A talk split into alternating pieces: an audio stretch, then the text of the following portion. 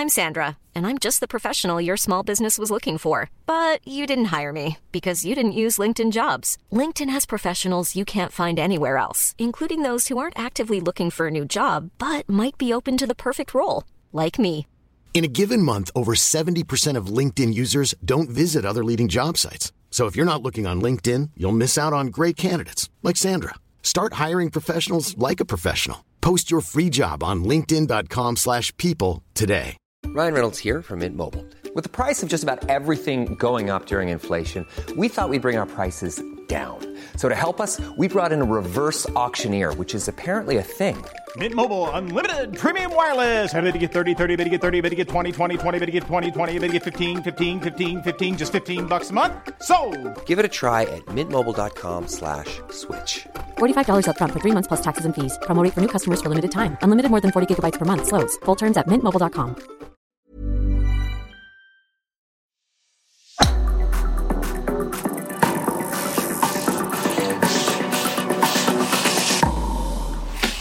Velkommen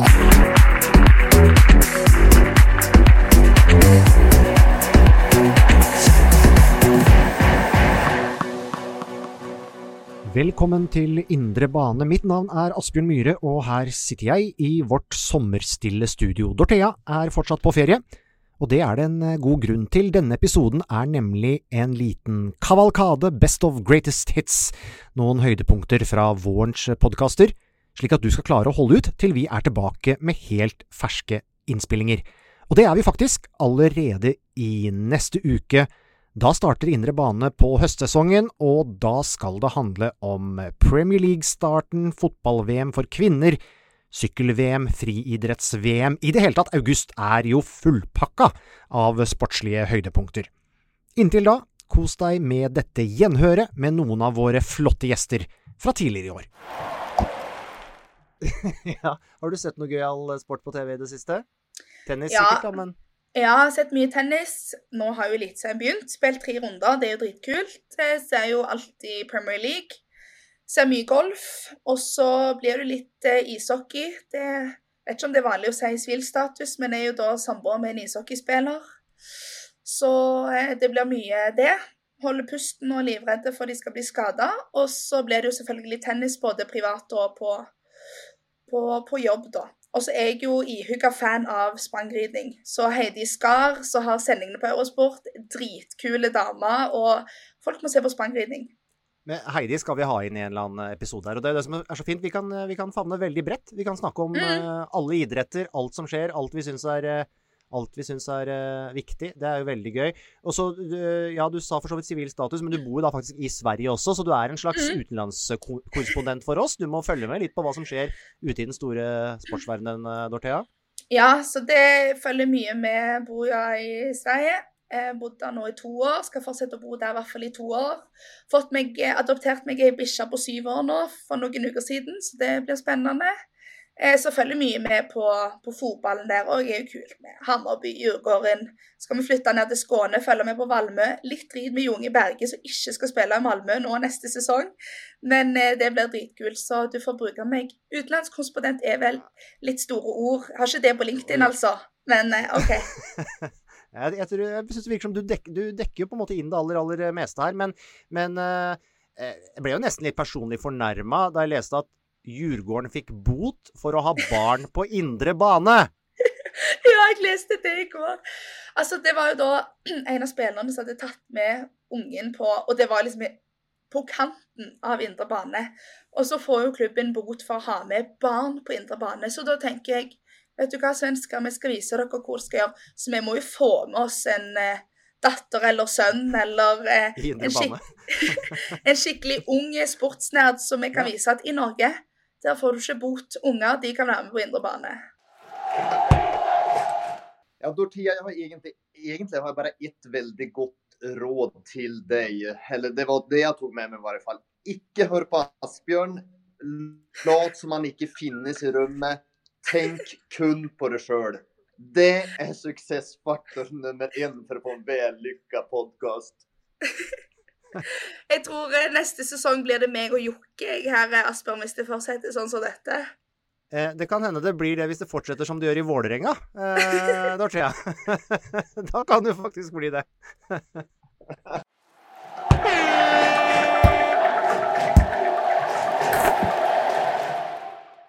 Jørgen Gryteland, du er daglig leder i Oppsal fotball. Dere spiller i Norsk Tippingligaen avdeling 6, og dere har Koffa 2, Skeid 2, Tromsø 2, Sarpsborg 08 2 i avdelingen eh, deres. Eh, like sikkert vårtegn som hestehoven, eh, men ingen, ingen luker i bedet. Nei, det stemmer det. Hvorfor ingen gjør noe med det, det kan vi jo komme tilbake til. Først og fremst så er dette en ganske sånn kompleks debatt som har eh, vart over mange, mange år. Eh, og jeg tror det er to grunner til det. Én, det er mange interessenter. Du har toppklubbene, du har breddeklubbene. Du har norsk toppfotball, du har NFF, du har spillerhensynet.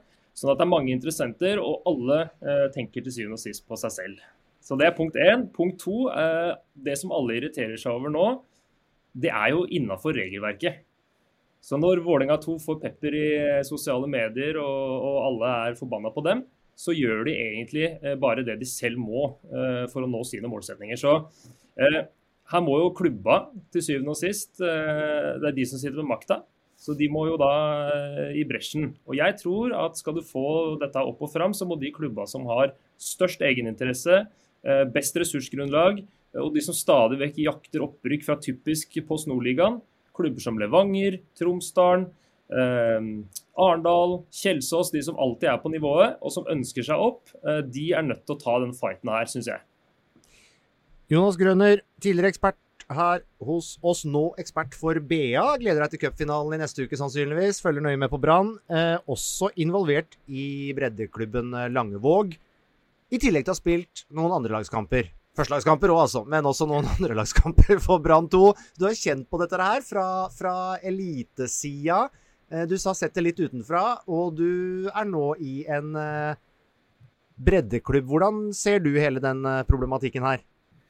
Altså, det er som, som Jørgen sier, det er jo helt innenfor lovverket. Og det vil til syvende og sist alltid være sånn at et andre lag de forholder seg til toppklubben, altså førstelaget i en klubb. Og de gjør det som er best for førstelaget til enhver tid. Det er selvfølgelig enkelteksempler der de begynner å skru til når de altså kommer ut på høsten og det begynner å jage opprykk og de kan sende bedre lag eller de kan prioritere. Men til syvende og sist, altså, de gjør jo ikke det for å være kjipe. De gjør det fordi de tenker på seg sjøl. De har satt opp en helhet som skal, eh, skal gjennomføres best mulig. Og Så lenge det er lov, så kommer de til å fortsette med det. Så det er ikke noe alternativ for, for en toppklasse. Altså, Vålerenga kan ikke av veldedighet sende fire av sine førstelagsspillere til Arendal fordi at eh, det er det beste for, for, rettferdigheten. Så lenge de har et eh, lovverk å forholde seg til, så kommer de til å fortsette med det. Og det kommer alle disse, disse toppklubbene til å gjøre. Men eh, det er jo en debatt som er interessant å ta. Nivået blir høyere og høyere. Altså Post Nord det det er en bra liga etter hvert. Og det er mange av andrelagsklubbene som er avhengig av førstelagsspillerne sine for å i være konkurransedyktige på det nivået. Stort sett, i hvert fall. Så um, det er definitivt en debatt som er verdt å ta. Men eh, det er så mange interessenter, som, som Jørgen også sier, at eh, jeg tror ikke det finnes noe fasitsvar. Så man må liksom bare enes om hva som er hva som er veien videre, hva som, hvem som skal få skrike høyest. holdt jeg på å si.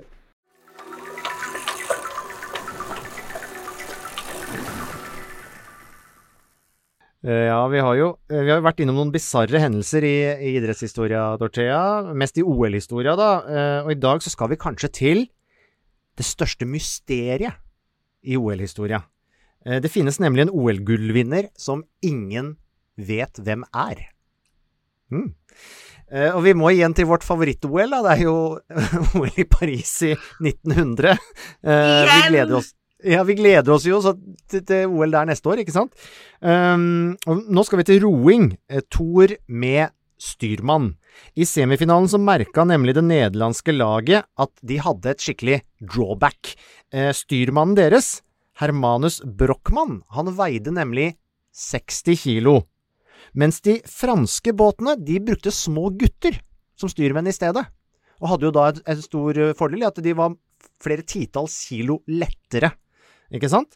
Så de to nederlandske roerne, Brandt og Klein, de, de sparka kompisen sin, Hermanus, ut av, eh, av båten, og på kaia så fant de en liten fransk gutt som de tok med seg som, som styrmann, eller koks, da, eh, til finalen.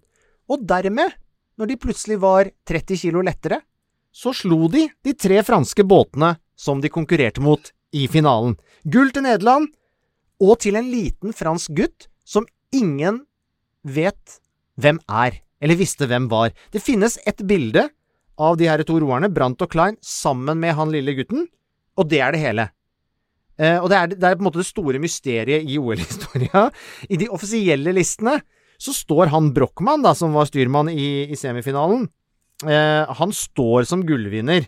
Selv om det altså var en liten gutt fra Paris som faktisk gjorde jobben i finalen. Sånn kan det, sånn kan det også gå. En, eh, en, glemt gullvinner som ja, ingen vet hva skjedde med, faktisk.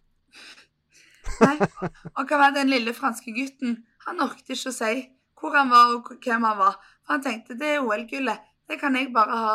Så trenger ingen å vite at jeg har vunnet det. Det var akkurat det. Han bare forsvant i mengden.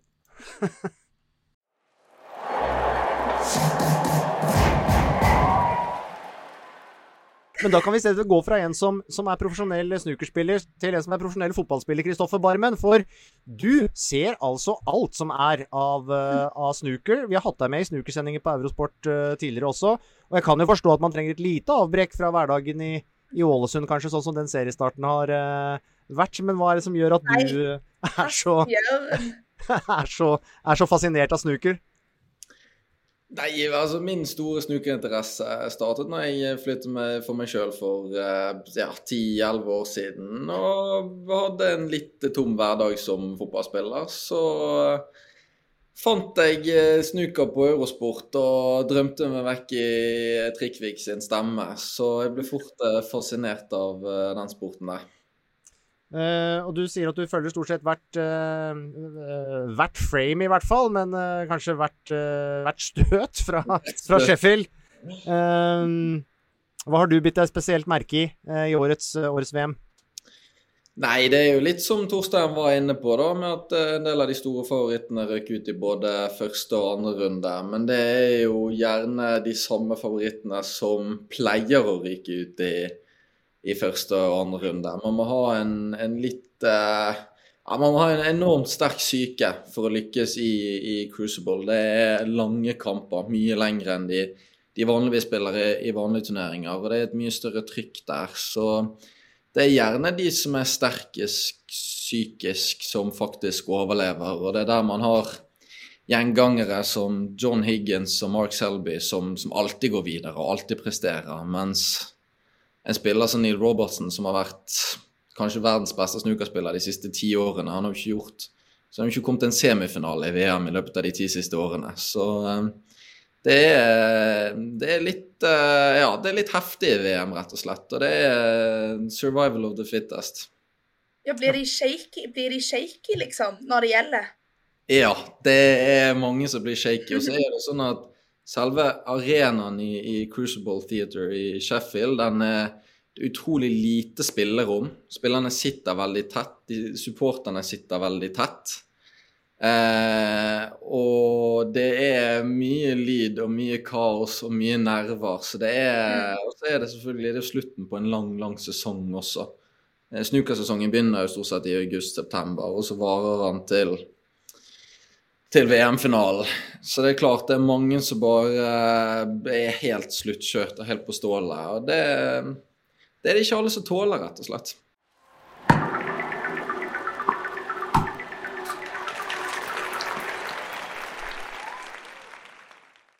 Når vi, når vi, snakker om marginer, er det jevnere eh, mellom de 40 beste, 60 beste, 100 beste enn det vi sitter hjemme og tror?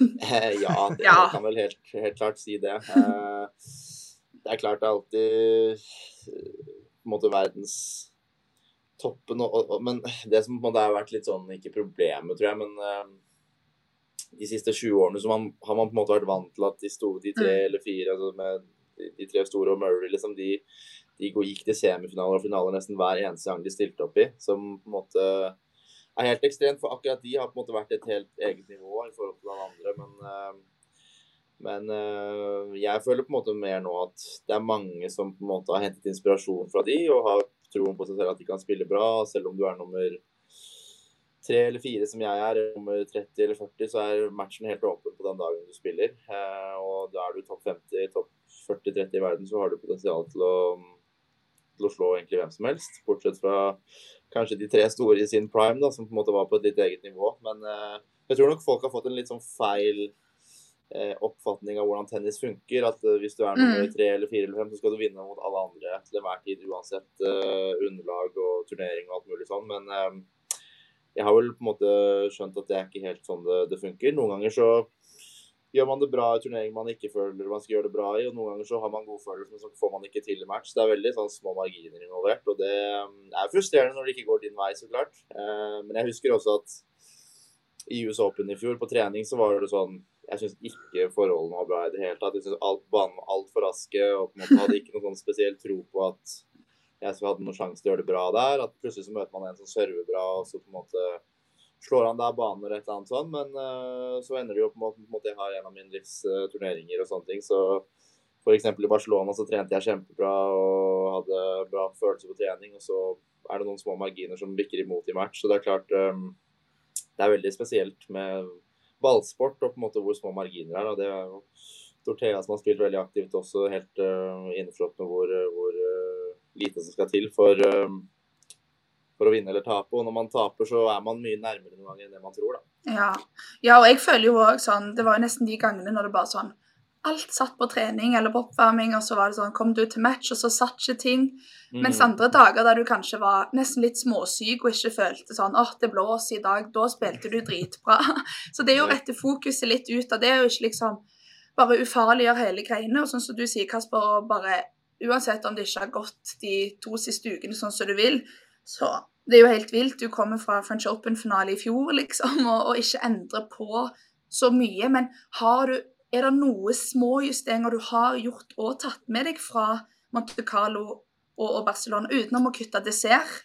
liksom. Eh, jo, nei. ehm, jeg har ehm, Altså, målet er jo prøve å, å spille sånn rett, rett og slett litt, litt, dypere. Det har blitt litt kort på en måte i ballvekslingene, som har gjort at motstandere på en måte får tid og mulighet til å dra på og spille aggressivt. altså Returer har blitt litt kort. Eh, liksom halvmeter, meter litt for kort. Så prøve å få de litt lenger og dypere i banen, sånn at motstanderen ikke kan på en måte eh, spille så offensivt eller attakkere så mye som de har gjort. da. Så det er vel litt det som på en måte er eh, kanskje Som kanskje kan være med på, på å endre og, og snu ting, litt ting. Men eh, altså, det er ikke sånn at jeg går av banen mot Serendolo og føler at forhånden er dårlig, eller backhand er dårlig, eller serve, eller alt, at det er noe som er veldig dårlig, som må endres veldig mye på. Men det er litt lengde. altså Jeg ble litt grann kort, som er liksom snakk om en meter eller et eller annet. Men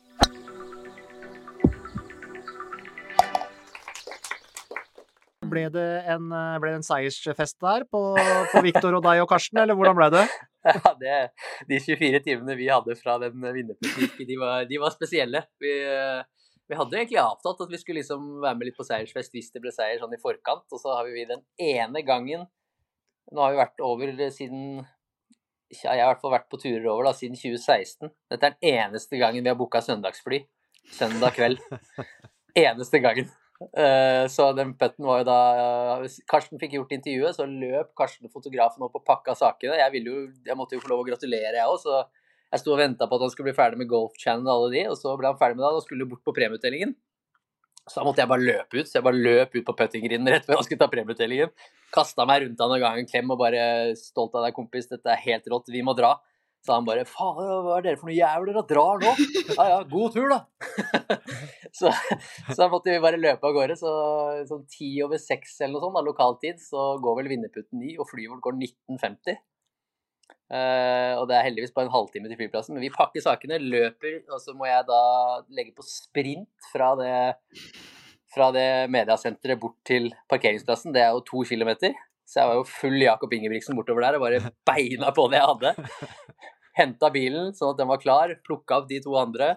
Og så kjørte da fotografen Karsten og meg til flyplassen. Han måtte levere leiebilen for oss. Kommer løpende inn til gaten, og så står det en kar der bare ja, dere skal til Washington. Og så ja, ja, vi veit vi er seine. Og han bare ja, det kan dere bare glemme. Så vi bare ja, ja, jeg veit jo det, liksom. Men er det noen muligheter? Er det noe som helst muligheter? Nei, dere må være her minst to timer før. Så jeg bare du kompis, det stemmer jo ikke. Vi har jo, vi har jo vært her mange ganger, halvannen time før og en time og kvarter. Det går jo fint. Og han bare ja, skal jeg hente supervisoren min? Jeg bare ja ja, gjør det. Bare gjerne. For jeg gidder ikke å stå og høre på at du ljuger når vi veit vi er for seine, liksom. Kom supervisoren ja. ut, da.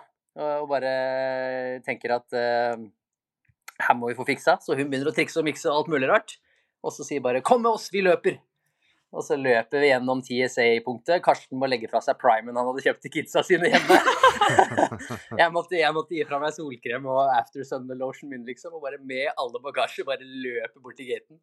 Og der står det jo en familie på tre som er på standby, som nesten skal gå om bord. Idet vi kommer, så tar vi plassene vi har tar vi deres plasser, da. Fordi vi, vi, hadde jo de første omgang, men de sto og venta på oss. Og så tar vi deres plasser inn på det flyet med bagasjen. Kommer til Washington eh, 45 minutter etterpå, tar bagasjen ut og løper til skranken. Uh, får bare sjekka inn, og så puster ut. da. Så det, det var helt drøyt at vi klarte det der. Ja, det hørtes heseblesende ut, ja. ja. Så 17 timer etterpå så landa vi på Gardermoen.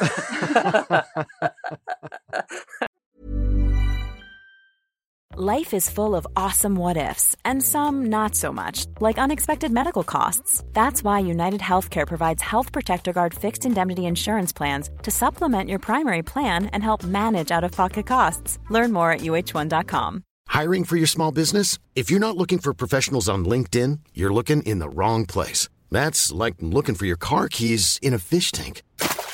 LinkedIn helps you hire professionals you can't find anywhere else, even those who aren't actively searching for a new job but might be open to the perfect role. In a given month, over 70% of LinkedIn users don't even visit other leading job sites. So start looking in the right place. With LinkedIn, you can hire professionals like a professional. Post your free job on linkedin.com slash people today.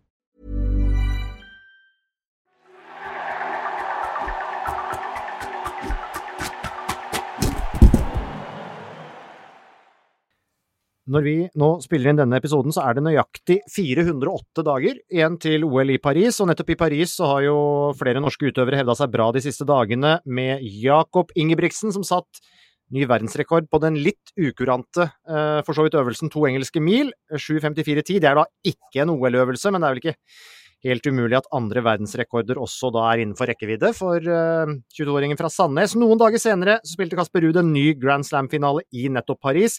I tillegg har vi Viktor Hovland, og vi har de beste spillerne i Premier League, og vi har et par norske kvinnelige fotballspillere som ble Champions League-mestere med Barcelona. Vi har det beste kvinne klubblaget i verden i håndball. Eh, Karsten Warholm er jo ikke engang i gang med sesongen sin. Han åpner på Bislett denne uka, og så har vi da ikke vært innom snøen som falt i vinter, men vi tok altså eh, tolv gull i ski-VM i Planica. Så vi kan vel si, toppidrettssjef eh, Tore Øvrebø, at det går, eh, det går ganske godt om, om dagen? Ja, det, har, det, går veldig bra, og det har gått bra en stund. Eh, vi har jo hatt noen vinter-OL som har kanskje vært vår slags forvarsel på at det er mye som fungerer godt i norsk idrett. Og så er vi spesielt stolte av at det er et ganske stort mangfold av idretter vi tar medaljer i, når dere har glemt eh, vektløfting f.eks. Altså, det, er, er mange ting som skjer i norsk idrett eh, for tida, og det har det skjedd litt over tid. Forandrer det noe at vi nå også markerer oss så til de grader i hva skal jeg si, verdensidrettene. I, i, I, de store idrettene, internasjonal fotball, golf, tennis, friidrett, beachvolley er vi jo gode. Triatlon tok vi jo OL-gull i, i, sist. Uh, vi er vant med å være veldig gode på, på vinterføre. Nå markerer vi oss jo også veldig i de, i de store idrettene. Forandrer det noe for, for dere? Det er vel mer et uttrykk for at modellen også har begynt å virke andre steder enn uh og at det er det som jeg sa tidligere med at vi har et større mangfold. Da, og Det er jo vi veldig glad for. Vi gjør det jo fortsatt veldig bra på vinter. Eh, det har vi jo gjort en stund, så det har liksom mista litt nyhetsinteresse. Det skal vi være veldig forsiktig med. altså. For med en gang du begynner å slekke på ting, så forandrer verden seg. Eh, det er veldig gledelig at vi gjør det så bra på mange sommeridretter så er det gjerne sånn at det er én og én utøver sant, i de forskjellige øvelsene. Så det er jo ganske sårbare ting. Eh, og så er det litt sånn små tallstatistikk. Altså vi har vært i nærheten i god del idretter. Nå er det mye som eh, klikker inn på rett side, og sånn at vi legger merke til det. Og så er du inne på Asbjørn at, eh, at disse, det som kalles for verdensidrett, at vi gjør det bra der. Men jeg tenker jo at det å bli best i en idrett, det er ganske krevende også i de som kanskje går under radaren og ikke kalles for verdensidrett. Det er krevende å bli best i sin idrett uansett. Så, men mye av den samme vinneroppskriften, eh, utviklingsmiljøene har de samme trekkene. Vi har disse eh, toppidrettsgymnasene som har virka ganske lenge, og også utvikla et mangfold på hvilke idretter som de følger opp. Og så er dette i samspill med klubber og forbund, og oss etter hvert som de begynner å bli gode. Og så har vi hatt en rekke nå noen år med eh, utviklingsprosjekter som har eh, ganske mange idretter vi har fulgt opp som er finansiert av Sparebankstiftelsen DNB til dels og våre egne midler. og De har hatt en veldig høy treffprosent på, på utviklinga i mange idretter. Så det har jo noe med engasjementet rundt norsk idrett, mange foreldre som er engasjert, frivilligheten er oppe og går. Så vi har nok hatt en sånn perfect storm noen år nå med, med både interesse og økonomi og, og mange idretter som har slått til. Det. Roland Garros er jo navnet på både liksom, tennissenteret, komplekset her, ikke sant, hvor de ulike banene ligger. Eh, og så blir de også brukt som et slags brand på hele turneringa, selv om i hvert fall de som snakker engelsk, ofte snakker om eh, French Open, ikke sant. Um, men det er jo sånn at mange av de enkelte banene, og til og med tribunedelene her, er jo oppkalt etter gamle tennisstjerner. Uh, Chatrier osv. Um, men Roland Garros, han hadde ikke noe med tennis å gjøre egentlig i det hele tatt. Vent, vent. Er Roland Garros Altså Roland Garros, er det en person? ja. Roland Garros. Eugen Eugen Adrien Rolla Georges Garros het han. Okay. Født i 1888.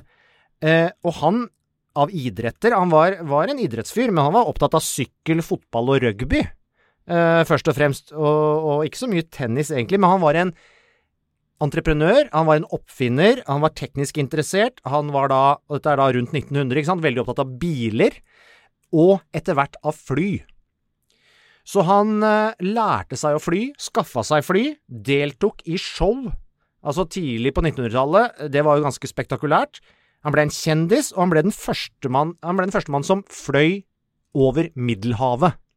Gjorde Roland Garros. Um, jeg er helt i sjokk, jeg. Eh, ja, ja, ja. Og da, da, snakker vi litt ordentlig spinn på Roland Garros. Eh, og da, da, første verdenskrig eh, brøt ut, så oppfant han en måte å bruke maskingevær på flyet sitt. Han fikk montert maskingevær som da skøyt mellom propellen. Ikke sant? Så et sentralt montert maskingevær eh, som du kunne skyte og bruke uten å skyte i stykker din egen propell. Og det her var jo ganske banebrytende. Så han dro i krigen. Ble skutt ned over eh, Belgia, satt tre år i tysk fangenskap, før han klarte å rømme. Eh, kom tilbake til Frankrike ganske skral i formen, hadde begynt å miste synet, som jo er veldig dumt når du skal være jagerflypilot. Uh, og hadde da dårlig helse, mm, og mange politikere og offiserer og sånn høyt oppe mente at nei, men nå, du har på en måte gjort ditt, du har funnet opp et maskingevær vi kan sette på flyene våre, og, og, du har vært i krigen og så videre. Men han dro ut igjen med en gang, og høsten eh, 1918 så ble han skutt ned i en sånn eh, kamp og døde. Og da var han jo ikke så gamle karen, da, født i eh, 1888, så han eh, ja. Eh, døde ung, døde i første verdenskrig, men ti år senere, 1928, som en hyllest til denne franske krigshelten, så fikk denne arenaen i Paris navnet Roland Garros. Så han er ikke noen tennisspiller, men han er en eh, fransk eh, krigshelt, rett og slett, som har fått navnet sitt på det fantastiske anlegget i Paris. Så de valgte hans, altså han for, som krigshelt, og det var egentlig bare tilfeldig at det var da et tennisstadium eh, som fikk det navnet? Ja, eh, men ikke helt tilfeldig, fordi det var noen bekjente av ham som var veldig sentrale i utforminga av det nye anlegget, ah. mm, og som satt i ledende posisjoner i det franske, eller i tennisforbundet. Eh, det hjalp jo på. Og da mente de at Roland Garros, krigshelt, men også selvfølgelig en, en, kjendis i sin tid, fordi han fløy som førstemann over Middelhavet, han fortjente å ha navnet sitt der. Og derfor så kaller vi det Roland Garros den dag i dag.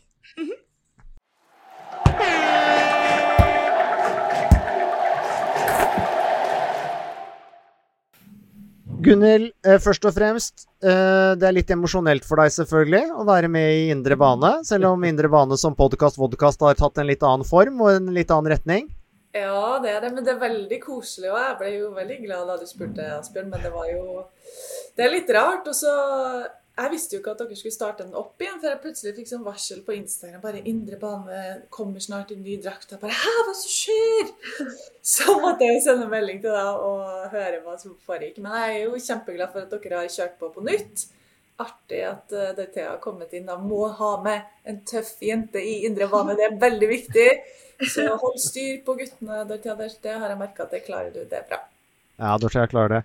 Um, men uh, etter at du forlot oss, da, Gunhild, så, så, har vi jo sett deg i, uh, i uh, Viaplays Premier League-studio, og vi har sett deg på plass i England. og i det hele tatt, hvis du med noen setninger kan oppsummere hvordan denne Premier League-sesongen har vært sett fra ditt, fra ditt sete? Det har jo vært helt spinnvilt, egentlig, med målene til eh, Haaland og måten han har kommet inn i Premier League på. Tenk det, første sesong. Alle som var skeptiske om det kom til å, å ta litt tid, for han har han jo bare Ja, han har bare flira dem opp i trynet egentlig og skåra 36 mål og herja med hele ligaen og blitt superstjerne, også utafor fotballbanen, egentlig. Så det har vært fantastisk gøy. Og så kommer Martin Ødegaard nesten litt i skyggen av han, stakkar, som kaptein for et Arsenal-lag som har spilt noe av den fineste fotballen eh, vi har sett tidvis, og som har vært eh, fantastisk gode. Så eh, med dem to da, i front, så har det vært en sesong som vi nesten Vi kunne ikke drømt om noe bedre. Eh, Dorthea, er Erling Braut Haaland den første jærbuen du har sett i blå silkepysjamas? Å, du skulle bare visst. ja. Nei, han, han, må være det, altså. Men det er sånn som Gunnhild sa. Jeg tenkte før vi gikk på nå, så var jeg sånn jeg syns egentlig litt synd på Ødegården. Fordi han har stått der på midtbanen, og bare, de er liksom syv poeng bak, og han altså, er kaptein i Arsenal. Og så klarer han der silkepysjamas-jærbuen og bare Se på meg heller, så Nei, det er Både i topp og bånn i Premier League så er det jo nordmenn, så det er helt vilt, egentlig, det luksuset vi har fått. Det er nok for Gunhild begynte i, i studio der, altså. ja, det skal være litt forsiktig med å ta æren for det, men det er for en flaks vi har hatt. Og så har det også vært så mye andre ville ting som har skjedd, og kamper. Så det, det, har vært litt sånn at selv de rundene hvor vi har gått inn og tenkt sånn nå blir det litt, litt roligere, så kliner de til, og så blir det noe kokos som skjer likevel. Så det har vært utrolig artig, både i studio og å være på plass i England òg. Det er jo ganske spesielt, Kenneth, at vi har to nordmenn som er så markante for de to topplagene eh, i Premier League, som vel begge ble nominert til, til årets spiller. Eh, som ikke bare vi hauser opp, men som får anerkjennelse over, over en hel fotballverden. Vi har hatt eh, mange gode spillere i Premier League tidligere, men eh, dette her er noe helt spesielt, altså. Ja, det er det. Eh, og her nytter det ikke å komme med noen sånne nisselueuttrykk. Altså, for det, for vi, har, vi, har, faktisk fått to nordmenn i Premier League nå som eh, er verdensstjerner, enkelt og greit. Eh, jeg kommenterte Premier League i en tid hvor vi hadde 30 nordmenn der. Masse strålende fotballspillere, men ingen går ikke an å si at noen av de var i nærheten av statusen faktisk til både Erling Braut Haaland og Martin Ødegaard. For jeg er jo enig sant, i det dere har sagt nå. altså Martin kommer uh, i skyggen, selvfølgelig. Det er jo smått groteskt på en måte med den, med den sesongen han har, uh, han har, hatt. Han har vært helt enorm. og nesten for meg, selv om jeg har sett den siden han var ti år gammel, jevnt og trutt, liksom, så er det nesten forbløffende den posisjonen han har tatt i Arsenal. Den måten han er kaptein på der, hvor, hvor spilleintelligent vet vi alltid at han har vært. Jeg må sette, jeg begynte å lure for et par år siden. Jeg må si noe litt om Martin først, da. jeg begynte å lure for et par-tre år siden, og så er det OK, ender dette opp i Nederland eller sånn midt på treet i Tyskland? Uh, og så har han bare tatt Eh, Arsenal og Premier League med, med, med storm, liksom. Og Men kommer selvfølgelig da i, i bakgrunnen av han med silkepysjamaser og klokker til 1,5 million. Uh, uh, selvfølgelig gjør han det. Og, og, og, det, og, det, med Erling Haaland, altså. Nå er det nesten fem år siden jeg var på Brann stadion. Da hadde han så vidt fylt 18 år. 18 år og 10 dager, tror jeg han var. Og han skåra altså fire mål på 17 spilleminutter på Brann stadion. Eh, midtstopperne var Bismar Acosta og Vito Wormgård. De var 200 kilo til sammen. Og de så bare på hverandre med sånn fortvila blikk ikke sant? når, når målet rant inn der. Ja, men helt alvorlig. Og det var første gang føler jeg at vi så monsteret. Ikke sant? Altså, vi, vi, vi, så dette her helt absurde potensialet hans. Og så drar han til Østerrike, drar videre til Dortmund, kommer nå til Premier League. Og det er liksom ikke det bare fortsetter. Det bare ruller på. Eh, det, er, det, er helt, det har vært helt absurd å følge det. Og uh, for en måned siden, ikke sant, uh, når de møtte Arsenal i på en måte kampen som avgjorde Premier League, så drar han selvfølgelig fram sin beste kamp. Det er ufint. De fleste har fått med seg hvilket lag jeg Men så drar han altså fram sin beste kamp i trøya, mener jeg. Han er helt enorm den kvelden der. Eh, selv om han må vente lenge på målet, liksom, så er han helt uh, fenomenal. Så han har blitt bedre i løpet av sesongen. Ikke sant? Altså, man, man, kunne lure på hvordan han skulle passe inn selvfølgelig i City. Det var litt sånn Rytmen var ikke der helt til å begynne med. ikke sant? Og så syns jeg også Haaland har vist i løpet av sesongen at han er en intelligent fotballspiller som jobber knallhardt liksom, for å forstå, for å passe inn, for å bli den spissen Guardiola vil ha her. Samtidig som Guardiola også har forandra en god del på hvordan City spiller for å få utnytta Erling. Uh, nei, det er uh, Ja, må, må jeg fortsatt bruke uttrykket 'forbløffende' om Erling Haaland.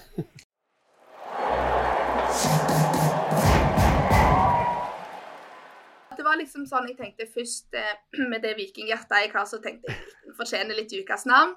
Og så har jo Lillestrøm hatt en så god uke, men Martin Ødegaard er kaptein med store C på, på brystet, og snu den trenden. Og det var Ja, jeg ble litt overraska det 4-1 mot City med, med, borte. Jeg tror nok det var litt eh, litt uhygg i garderoben etter det, men kommer tilbake i går, skårer to mål. Er altså to mål ifra å slå Fabregas sin eh, sin eh, rekord på 15 mål en sesong, og for midtbanespiller så ja, vil vi si det er godkjent. Jeg tror det er lille ryktene her om Helene Spilling skal vi danse, så får deg ei dame som danser latin, så tar du rekorden i Arsenal. Oi, oi, oi, her, er du, her er du sterk. Dette har du bra kontroll på. Men, men Dorthea, eh, kaptein med C på brystet, det er i hockey, altså. Det er i hockey. Og hockey skal vi snakke om sikkert en av de nærmeste podkastene, for det nærmer seg jo hockey-VM, eh, faktisk. Og da skal vi komme tilbake til det. Jeg mente, på, jeg mente den rundt bicepsen. Ja, ja. Riktig. Strålende. Vi ses uh, og høres neste uke, da. Ny podkast. Det, det gjør vi. Snakkes. Snakkes. Da har du hørt et uh, gjenhør med noen av vårsesongens gjester i Indre bane. Allerede i neste uke er Dorthea og jeg tilbake med en helt fersk podkast. Inntil da, snakkes!